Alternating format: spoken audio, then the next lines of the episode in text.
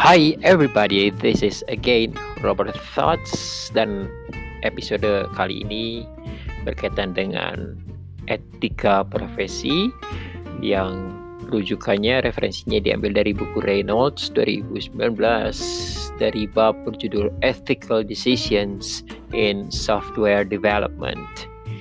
Di sini ada beberapa terminologi yang ingin saya bagikan. Yang pertama adalah high quality software systems atau sistem perangkat lunak kualitas tinggi. Ini adalah sistem yang mudah dipelajari serta digunakan karena mereka bekerja dengan cepat dan efisien. Mereka memenuhi kebutuhan-kebutuhan pengguna dan mereka beroperasi dengan aman serta andal, reliable sehingga sistem downtown eh sistem downtown sistem downtime. Alias waktu di mana sistem tidak berfungsi akibat adanya gangguan itu dapat dipertahankan minimal. Next a software defect atau kecacatan perangkat lunak. Adalah segala bentuk galat atau kecacatan atau kekeliruan yang bila tidak dihilangkan dapat mengakibatkan sebuah sistem perangkat lunak menjadi rusak atau gagal memenuhi kebutuhan para penggunanya. Next, software quality atau kualitas perangkat lunak adalah tingkatan sejauh mana sebuah produk perangkat lunak memenuhi kebutuhan para penggunanya. Berikutnya, quality management alias manajemen kualitas.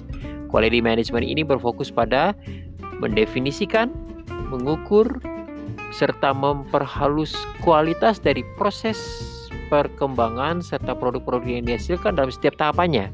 Jadi dalam proses development ini di setiap tahapnya itu kan ada eh, produk-produk yang dihasilkan. Nah ini uh, kualitasnya itu dipastikan baik dengan quality management ini. Tujuan quality management adalah untuk menolong pengembang. Pengembang ini bukan Fermipan ya, tapi ini developers dari software uh, untuk menghasilkan sistem berkualitas tinggi yang mampu untuk memenuhi kebutuhan para penggunanya. Oke, okay. hmm. next sebuah Business Information System, sistem informasi bisnis adalah sekumpulan komponen yang berhubungan, interrelated, termasuk perangkat lunak, perangkat keras, eh, database, jaringan, orang-orang, bahkan prosedur-prosedur yang mengumpulkan serta memproses data dan menghasilkan serta mendiseminasi atau menyebarluaskan outputnya atau keluarannya. Next, salah satu bentuk sistem informasi bisnis uh, adalah Decision Support System DSS atau bisa diterjemahkan sebagai sistem pendukung keputusan yang digunakan untuk meningkatkan kualitas pengambilan keputusan dalam beragam industri.